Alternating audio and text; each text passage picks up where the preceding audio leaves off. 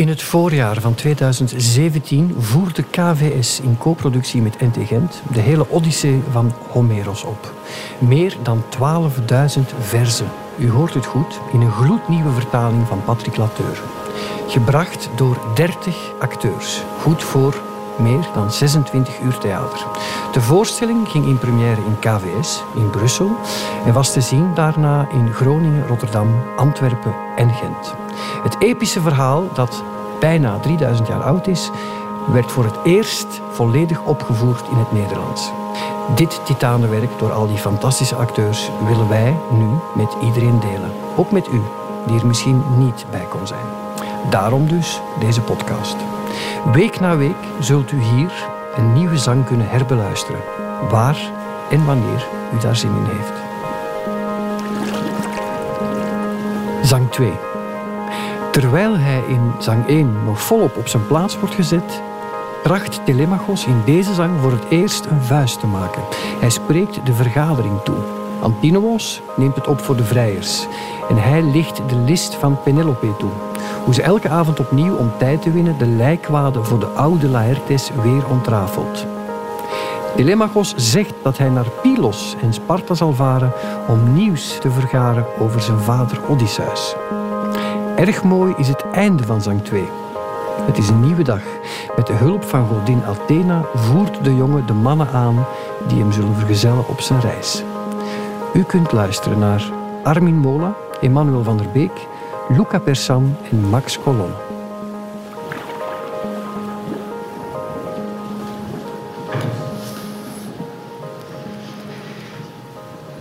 Zodra de dageraad met roze vingers vroeg in de morgen oprees, stond de zoon van Odysseus uit bed op. Kleedde zich, hing ook zijn puntig zwaard over de schouder en, en om de blanke voeten bond hij zich zijn prachtige sandalen. Ja, uiterlijk gelijk een god kwam hij de kamer uit. Aan zijn herauten met de heldere stem gaf hij terstond de opdracht de Achaiërs met lange haren in vergadering bijeen te roepen. En dat deden zij. Het volk verzamelde zich daar heel snel. En eenmaal allen bijeen in vergadering nam de held Telemachos een speer van brons ter hand en trok hij naar de vergadering. Maar niet alleen. Nee, twee snelle honden volgden verwonderlijk. De, de, de gratie die Athena deed talen over hem. En heel het volk stond bij zijn aankomst in bewondering. De oudste maakte plaats voor hem en hij, hij ging zitten in de zetel van zijn vader. Toen sprak als eerste onder hen de held Egyptios. Al krom door ouderdom en rijk aan ondervinding. Nu, spreken deed hij omdat zijn zoon, lanszwaaier Antifos, met Odysseus, de goddelijke held, naar Troje, rijk aan paarden was gegaan op holle schepen.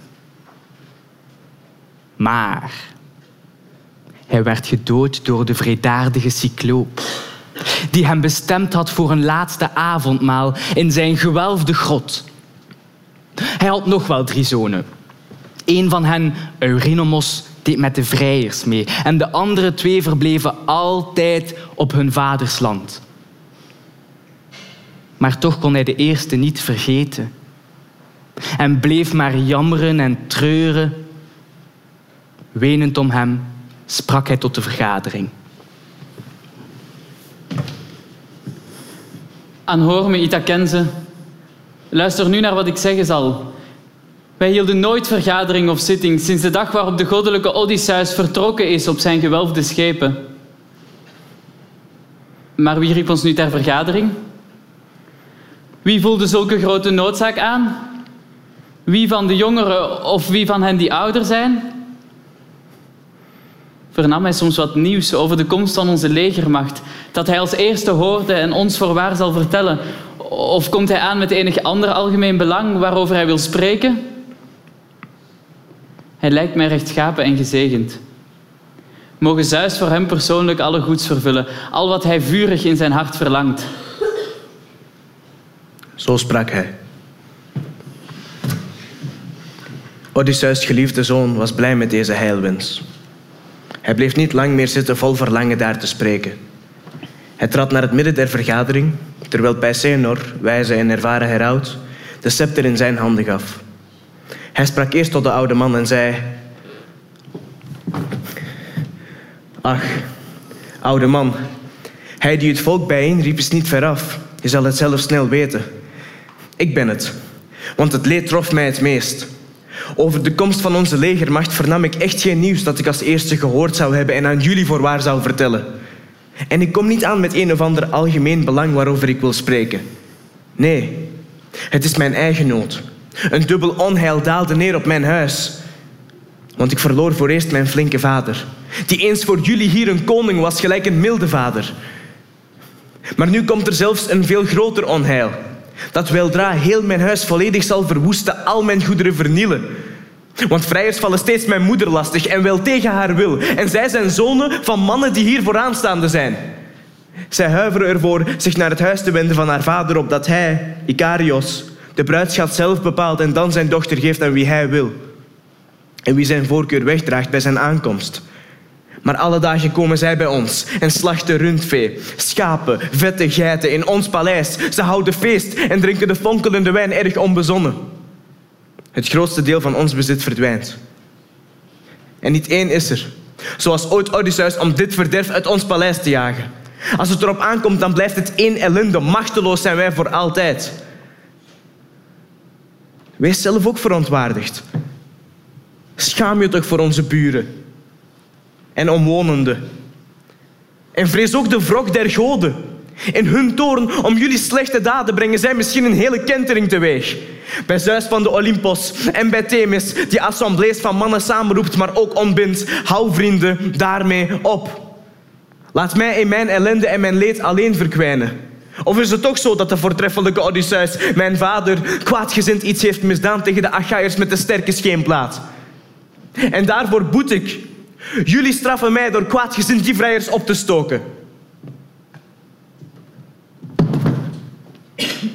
Het kwam me beter uit als jullie zelf mijn vee en goederen hadden verbrast. Want hadden jullie dat verteerd? Ik werd wel snel vergoed. Ik drong dan in de stad zo lang met woorden aan en eiste mijn haven op, totdat men alles weer gaf. Maar wat er nu door jullie in mijn hart wordt opgewekt, is onheilstelbaar leed. Zo sprak hij toornig, barst uit in tranen en wierp de scepter op de grond. Daarop werd heel het volk door deernis aangegrepen. Allen hielden zich stil. Niet één durfde Telemachos met boze woorden van repliek te dienen. Alleen Antinos gaf hem als antwoord. Telemachos, jij met je grootspraak driftkop. Wat zei je daar tot onze schande? Smet wil jij ons aanwrijven. Want schuldig zijn nu zeker niet de vrijers der Achaïers, maar wel je moeder, listig als niet één. Het is nu reeds drie jaar, het vierde breekt eraan aan, dat zij de draak steekt met het hart der Achaïers in een borst. Ze laat ze alle hopen. Elkeen krijgt beloften die zij geregeld stuurt, maar zelf denkt zij aan iets anders. Haar geest beraamde deze nieuwe list. Ze plaatste in haar kamer een enorm getouw en weefde een buitenmatig fijn kleed.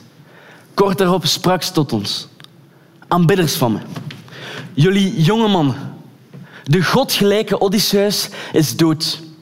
Maar jullie moeten toch nog even wachten, of schoon je uitkijkt naar mijn huwelijk.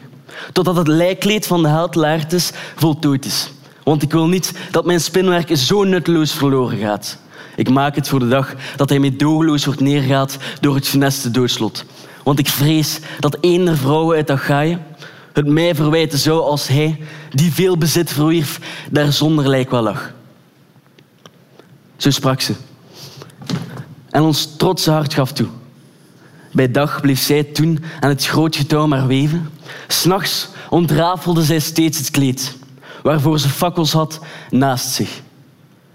Zo werden de zonen der Achaïers drie jaren lang verschalkt en overpraat. Maar met de vooruitgang van de jaargetijden kwam het vierde jaar.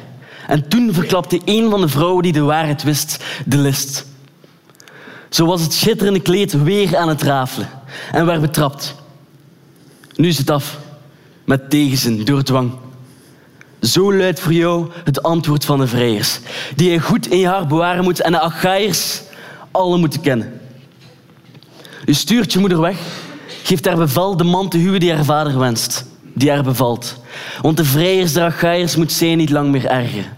Bedacht op wat Athena haar meer dan wie ook geschonken heeft. De kunst om prachtig handwerk te maken, ook gezond verstand en sluwheid. Zoals we dat nog nooit hebben gehoord over Achaia's vrouwen uit een ver verleden. Vrouwen met een fraaie lokken van vroeger. Zoals Tiro en Alcmene Mykene met haar mooie diadeem. Niet één van hen was als Penelope in wijsheid en vernuft. Maar wat ze nu bedacht heeft, is wel onbetamelijk. We zullen jouw bezit en haven verteren, zolang zij bij dit plan blijft. Dat de goden thans haar hart influisterde. Enorm de roem die zij voor zich verwerft. Voor jou slechts verlies van veel bezit. Naar onze akkers of elders keren wij ook niet terug.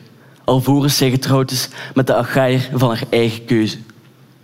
En de verstandige Telemachos gaf hem als antwoord... Nee, Antinous, we kunnen niet tegen haar zin. De vrouw die mij gebaard heeft, mij heeft opgevoed... verstoten uit mijn huis. En in de vreemde vertoeft mijn vader ergens. Dood of levend. Als ik uit eigen wil mijn moeder wegstuur, dan moet ik Icarios een zware schuld betalen en dat is voor mij een ramp. Veel onheil moet ik van haar vader dan verduren. En een god zendt mij nog meer wanneer bij haar vertrek uit mijn paleis mijn moeder de gehate wraakgodinnen aanroept.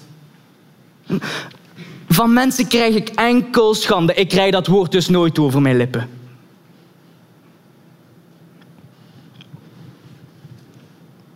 Maar is er nog wat schaamte in je hart? Dan moeten jullie mijn paleis verlaten. Maak ergens anders werk van je festijnen. En verteer maar jullie eigen eigendom.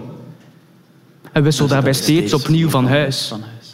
Maar, maar, maar lijkt het beter en voordeliger het geld en goed van één man ongestraft te ruïneren?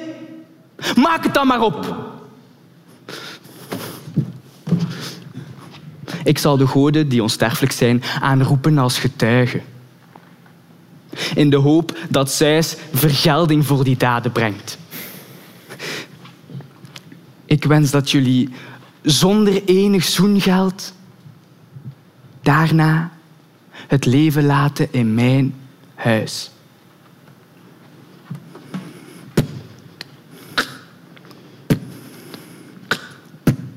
Zo sprak Telemachos. En daarop stond Zeus, de god met luide donderstem, voor hem twee arenden, die, die van op een hoge bergtop zich neerwaarts stortten. Eerst nog vlogen zij een tijd lang op de adem van de wind. Met uitgestrekte vleugels dicht bijeen. Maar beland boven het midden van de drukke vergaderplaats, vlogen de adelaars in kringen. Klepperden met snelle wiekslag, bekeken alle koppen die er waren. De dood lag in hun blik. En toen toen krabden zij hun eigen wang en hals met klauwen open. En snelden rechtsweg over stad en huizen. En zodra hun oog de vogel zag, beving verbijstering het volk. Het vroeg zich af van binnen wat er te gebeuren stond. Tot hen sprak Halitherses, zoon van Mastor, de oude held, die alle van zijn leeftijd ver overtrof. In de kennis van wat vogels beduiden. In de kunst van het voorspellen. Bedacht op het belang van allen, sprak hij. Ah, aan hoor me, Itakense, luister nu naar wat ik zeggen zal. Voor al de vrijers heb ik iets mee te delen in wat volgt. Op hen rolt namelijk een grote ramp aan. Want Odysseus blijft niet meer lang ver weg van zijn verwanten. Hij, hij, hij, hij is reeds nabij, vermoed ik. Hij, beraamt al moord en dood voor al de vrijers hier. Hij brengt ook onheil voor vele andere onder ons, bewoners van Ithaca, dat men van ver ziet liggen.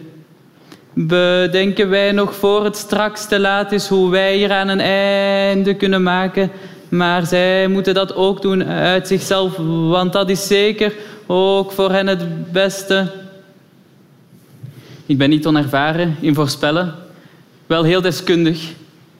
Zo kan ik beweren dat alles voor die man zich heeft afgespeeld zoals ik het hem zei. Toen de Argeiërs zich inscheepten naar Troje en met hen ook Odysseus, de schrandere, meetrok. Ik heb hem toen voorspeld dat hij veel leed zou kennen, dat hij al zijn kameraden verliezen moest en dan, na twintig jaar, voor alle onherkenbaar thuis zou komen. Dat alles is zich nu aan het voltrekken. Eurymachos, Polybos zoon, gaf hem als antwoord. Grijzaard, ga naar huis. Ga dat maar aan je kinderen voorspellen, om hen voor later onheil te boeden. Ik kan die voortekens veel beter duiden dan jij. Want in de stralen van de zon bewegen zich veel vogels, maar ze zijn niet allemaal voorspellend. Odysseus verloor het leven ver van hier. Ik wou dat jij met hem ook omgekomen was. Dan had je ons niet zoveel georakeld en Telemachos in zijn toren opgehitst. Want jij verwacht van hem een geschenk voor jouw huis. Maar ik verklaar je klaar en duidelijk ja. Zo zal het geschieden. Wanneer jij met al jouw oude kennis en ervaring een jonge man met jou gepraat verleidt, hem aanzet tot vijandigheid, krijgt hij het op de eerste plaats wat lastiger. Tegen hen kan hij alleszins niets doen. Jouw oude leggen wij een boete op. En die betalen zal jouw hart verdrieten. Dat wordt voor jou een zwaar en drukkend leed. In tegenwoordigheid van allen geef ik aan Telemachos persoonlijk de raad. Hij moet zijn moeder nu met aandrang verzoeken terug te keren naar haar vaders huis.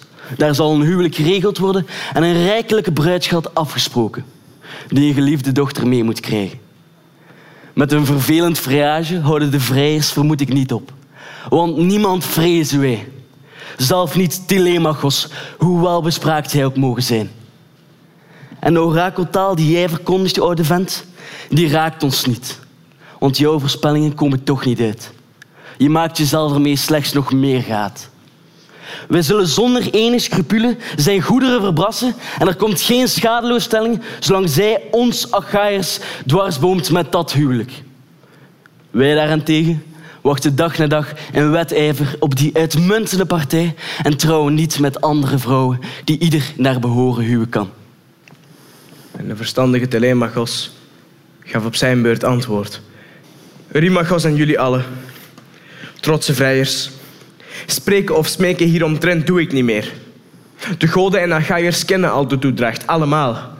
Maar geef me liever een schip dat snel kan varen. Twintig man om voor mijn tocht naar alle windstreken een goede afloop te verzekeren. Ik ga naar Sparta en het zandig Pylos om nieuws te garen over de terugkeer van vader, die al zo lang afwezig is geweest. Want wellicht zegt een sterveling me iets of hoor ik een gerucht dat komt van Zeus en mensen veelal nieuws bezorgd. Wanneer ik hoor dat vader leeft en weer naar huis zal komen, houd ik het nog wel een jaartje vol. Hoezeer ik ook gekweld word. Maar hoor ik dat hij dood is, niet meer leeft, dan keer ik naar mijn lieve land terug. Werp hier voor hem een grafterp op. Bewijs hem met gepaste pracht de laatste eer en geef mijn moeder aan een andere man. Zo sprak hij en ging zitten. In hun midden verhief zich Mentor, die een makker was van de voortreffelijke Odysseus. Eh, Die laatste had bij zijn vertrek per schip aan hem heel zijn vermogen toevertrouwd. Ja, hij moest de oude man Laertes volgen en alle goederen intact bewaren. Bedacht op hun belang nam hij het woord. Aanhoor me, Ithakense. Luister nu naar wat ik zeg. Een scepterdragend vorst hoeft nu niet meer van harte vriendelijk te zijn, zachtaardig, redelijk en, en wijs. Nee, hij moet altijd hard zijn en misdadig. Want niemand van het volk waarover hij ooit heerste, denkt nu nog aan Odysseus, de goddelijke held, terwijl hij toch voor hen zachtaardig was, gelijk een vader. Maar ik misgun het de verwaande vrijers echt niet. Tot zij met een doortrapte geest zich overgeven aan geweld en misdaad. Ze zetten wel hun eigen leven in, als zij met veel geweld het goed verbrassen van Odysseus, die naar zij toch beweren niet meer terugkeert. Nee, ik erger me nu eerder aan de rest van de bevolking. Stilzwijgend zitten jullie allen neer. Geen enkel woord om hen eens aan te pakken. Geen poging om die vrijers te doen stoppen. Zij zijn nogthans niet talrijk, jullie wel. Leokritos, Aeneos zoon, gaf hem als antwoord. Ach, mentor, kwaadspreker, verwarde geest. Wat zei je nu? Wat stookte jij hen op om ons te stoppen? Want zwaar is het gevecht met ons wanneer een dis de inzet is zelfs voor een overmacht. Al kwam Odysseus uit Ithaca persoonlijk. Al was zijn trotse hart er nog zo vurig op gebrand om de vrijers die in zijn paleis genieten van de dis te verjagen. Dan nog vond zijn vrouw geen vreugde bij zijn komst, in weerwil van haar groot verlang. Want moest hij vechten met een overmacht, werd hij ter plekke smadelijk gedood. Jij sprak niet naar behoren. Maar vooruit, het volk moet nu uiteengaan. Elkeen weer gaan werken. Die Halitherses en mentor van oudste vrienden van zijn vaders huis bereiden die reis voor Telemachos met spoed wel voor. Maar hij zal hier nog lang, vermoed ik, zitten uitzien naar wat nieuws op Ithaca. Die reis volbrengt hij nooit. Zo sprak hij. Ontbond de vergadering, daarop ging elkeen weer naar huis. De vrijers gingen naar het paleis van Odysseus, de goddelijke held. Telemachos heeft zich toen ver verwijderd. Liep langs het strand, ging in het grijze zeenat zijn handen wassen, bad daar tot Athena. En hoor me. U die gisteren ons huis betrad als een godin en mij beval over een zee vol nevels met een schip wat nieuws te garen over de terugkeer van vader, die zo lang afwezig was. Maar de Achaiërs dwarsbomen dit alles. Vooral de vrijers in hun boze hoogmoed. Zo bad hij En Athena kwam bij hem. In stem en in gedaante leek ze mentor. Ze sprak tot hem en gaf haar woorden vleugels, Telemachos. Ook in de toekomst wordt je geen lafaard of een dwaas als van je vader de moed en kracht bij jou zijn ingedruppeld. Wat voor een man was hij in woord en daad. Zo blijft jouw tocht dus echt niet zonder nut of resultaat. Maar ben je niet de zoon van hem en van Penelope, dan vrees ik dat je niet waarmaakt wat je vurig wenst. Slechts weinig zonen zijn gelijk hun vader. De meeste zijn zelfs slechter en wie beter zijn dan hun vader zijn met weinigen. Maar aangezien jij ook niet in de toekomst een lafaard of een dwaas wordt en bij jou al evenmin de schranderheid ontbreekt van Odysseus, mag men toch zeker hopen dat jij die onderneming zult volvoeren. Je moet dus aan de plannen van de vrijers en hun bedoeling nu niet denken. Dwaas zijn zij en onverstandig, onrechtvaardig. Dat dood en donker noodlot zo nabij zijn, dat zij op één dag met z'n allen sterven, beseffen zij niet eens. Maar niet veraf meer is voor jou de dag waarop de tocht begint, waar jij zo vurig naar verlangt. Ik was je vaders vriend. Zelfs in die mate dat ik voor jou een snel schip uit zal rusten en zelf met jou zal meegaan. Maar jij moet nu huiswaarts keren, naar de vrijers gaan. Bereid de mondvoorraad, pak alles goed in vaten, wijn in kruiken met twee oren, het gerstenmeel dat mannen sterk zal houden in sterke leren zakken. Ik verzamel vlug in de stad een ploeg vrijwilligers. In Ithaca, omgeven door de zee, zijn vele schepen, nieuwe en ook oude. Ik zoek voor jou daarvan het beste uit. Snel opgetuigd kiest het dan volle zee. Zo sprak Zeus dochter. de godin Athene.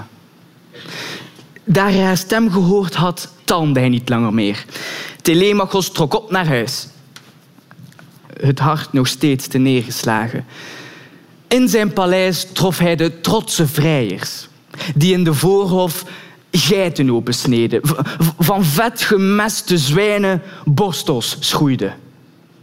Antinoos moest lachen. En hij ging recht naar Telemachos, gaf hem de hand en zo verwoordde hij wat hij toen dacht.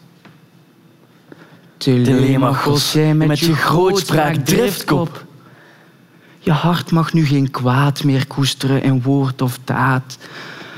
Ik vraag je, eet en drink als vroeger. Ja, de Achaiërs brengen al de rest voor jou beslist in orde.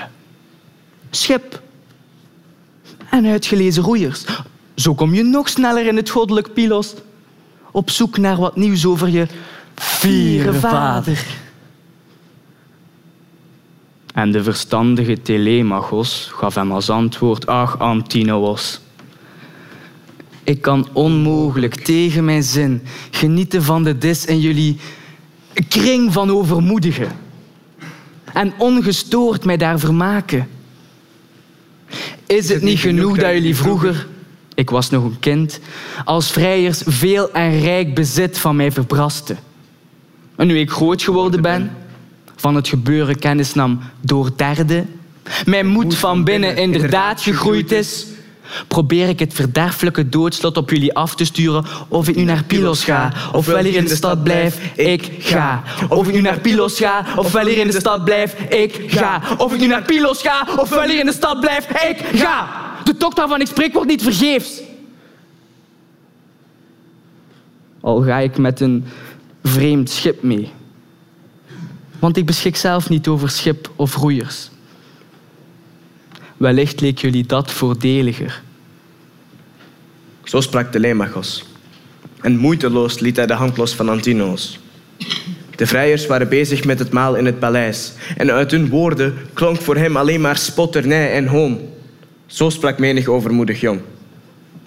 Telemachos denkt zeker aan een moord op ons. Hij zal vanuit het zandig Pylos en Sparta helpers meebrengen. Zijn aandrang is geweldig. of hij gaat naar Ephyre. De akkers zijn er vruchtbaar. Hij haalt er dodelijke kruiden, werpt ze in ons mengvat en hij doodt ons allen. En menig ander overmoedig jong. Wie weet of Telemachos op tocht of op de dool ook zelf niet om zal komen, ver van zijn geliefde. Maar zo bezorgt hij ons nog veel meer werk. Dan moeten wij al zijn eigendom verdelen, zijn woning echter aan zijn moeder geven en hem die met Penelope zal huwen. Zo spraken zij. Zelf ging Telemachos de trap af, naar de ruime, hooggewelfde schatkamer van zijn vader. Volgestapeld met goud en brons, kisten gevuld met kleren, veel olie van welriekende olijven. De, er stonden vaten langs de wand geplaatst in rijen, vol verrukkelijke oude wijn, onversneden goddelijke drank, bestemd voor het moment dat Odysseus naar huis keert, na veel leed doorstaan te hebben. De vleugeldeuren uit sterk timmerwerk waren gesloten. En een huishoudster was dag en nacht daarbinnen in de weer. Met scherpe geest droeg zij voor alles zorg, opsdochter Euryclea van Peisenor de kleindochter. Haar riep Telemachos toen naar de schatkamer. Hij sprak tot haar. Kom, moedertje.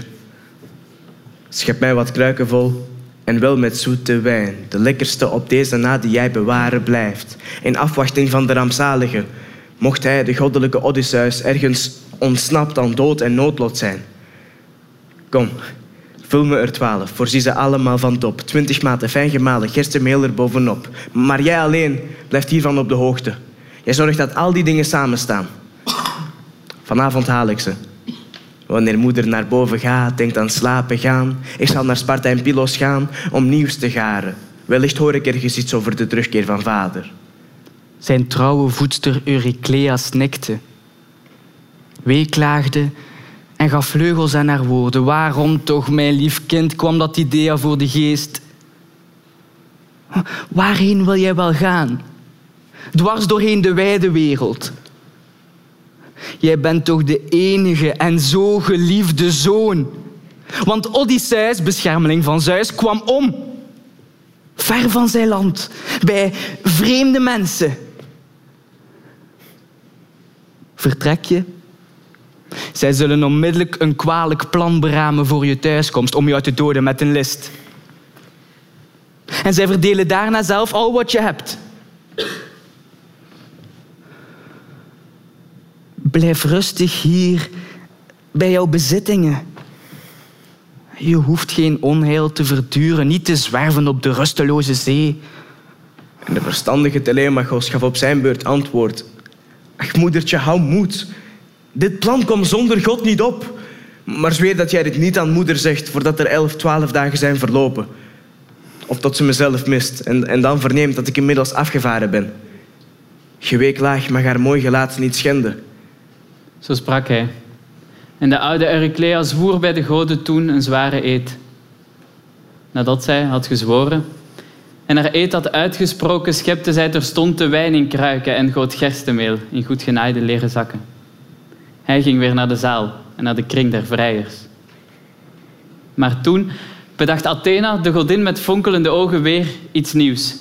In de gedaante van Telemachos doorliep ze heel de stad, hield halt bij elk der twintig mannen, sprak hen aan en vroeg hun s'avonds naar het snelle schip te komen. Daarop vroeg zij Noemon om een schip. De schitterende zoon van Fronios beloofde bereidwillig dat te geven. De zon ging onder. Alle straten lagen in deemstreng. Ze sleepte het snelschip in zee en bracht er alle tuig aan boord benodigd voor een schip met sterke roeibanken. Ze meerde bij de havenmond het schip, waar flinke kerels zich verzameld hadden. En voor elkeen was de godin bemoedigend. Daarna bedacht Athena, de godin met fonkelende ogen, weer iets nieuws. Ze ging naar het paleis van Odysseus, de goddelijke, goot over de vrijers een zoete slaap, bedwelmde zo de drinkers en liet de bekers uit hun handen vallen. De slaap was neergestreken op hun ogen. Zij konden dus niet lang meer blijven zitten en stonden op om in de stad te slapen. Maar de godin met schitterende ogen, Athena, die in stemmen in gedaante op Mentor leek, riep toen Telemachos naar buiten uit zijn goed gebouwd paleis.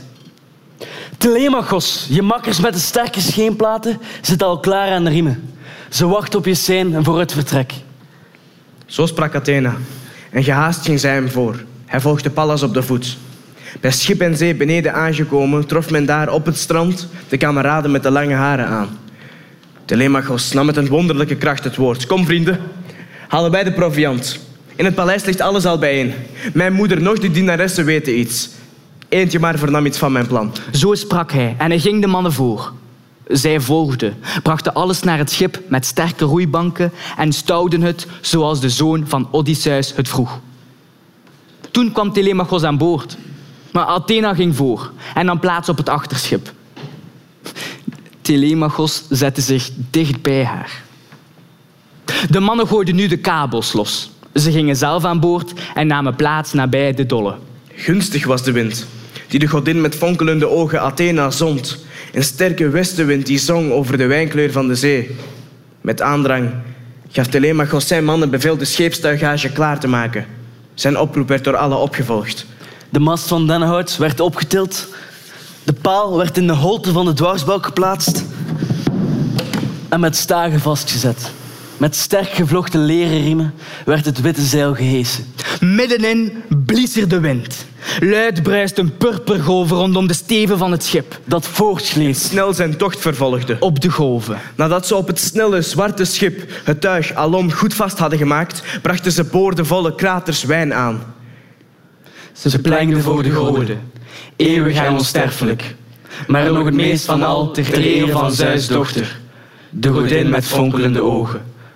Heel de nacht doorklieft het schip de zee tot morgens vroeg.